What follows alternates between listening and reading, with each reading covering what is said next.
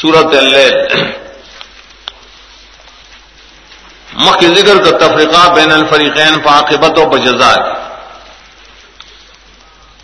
دد ذکر کی، دلیل تفریقہ عقیدت کی رہے پامال کے رہے پاسار کے رہا۔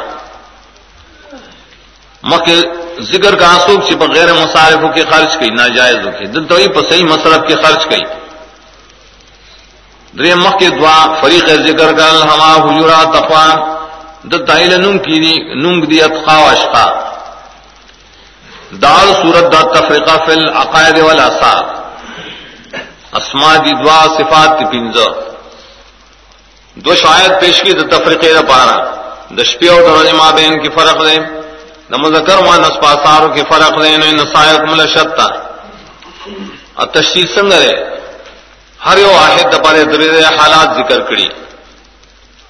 کری بیدے نمون والی خیو دے اشقا غیر پارا تخویف، بل دے اتقائی دے پارا بشارت.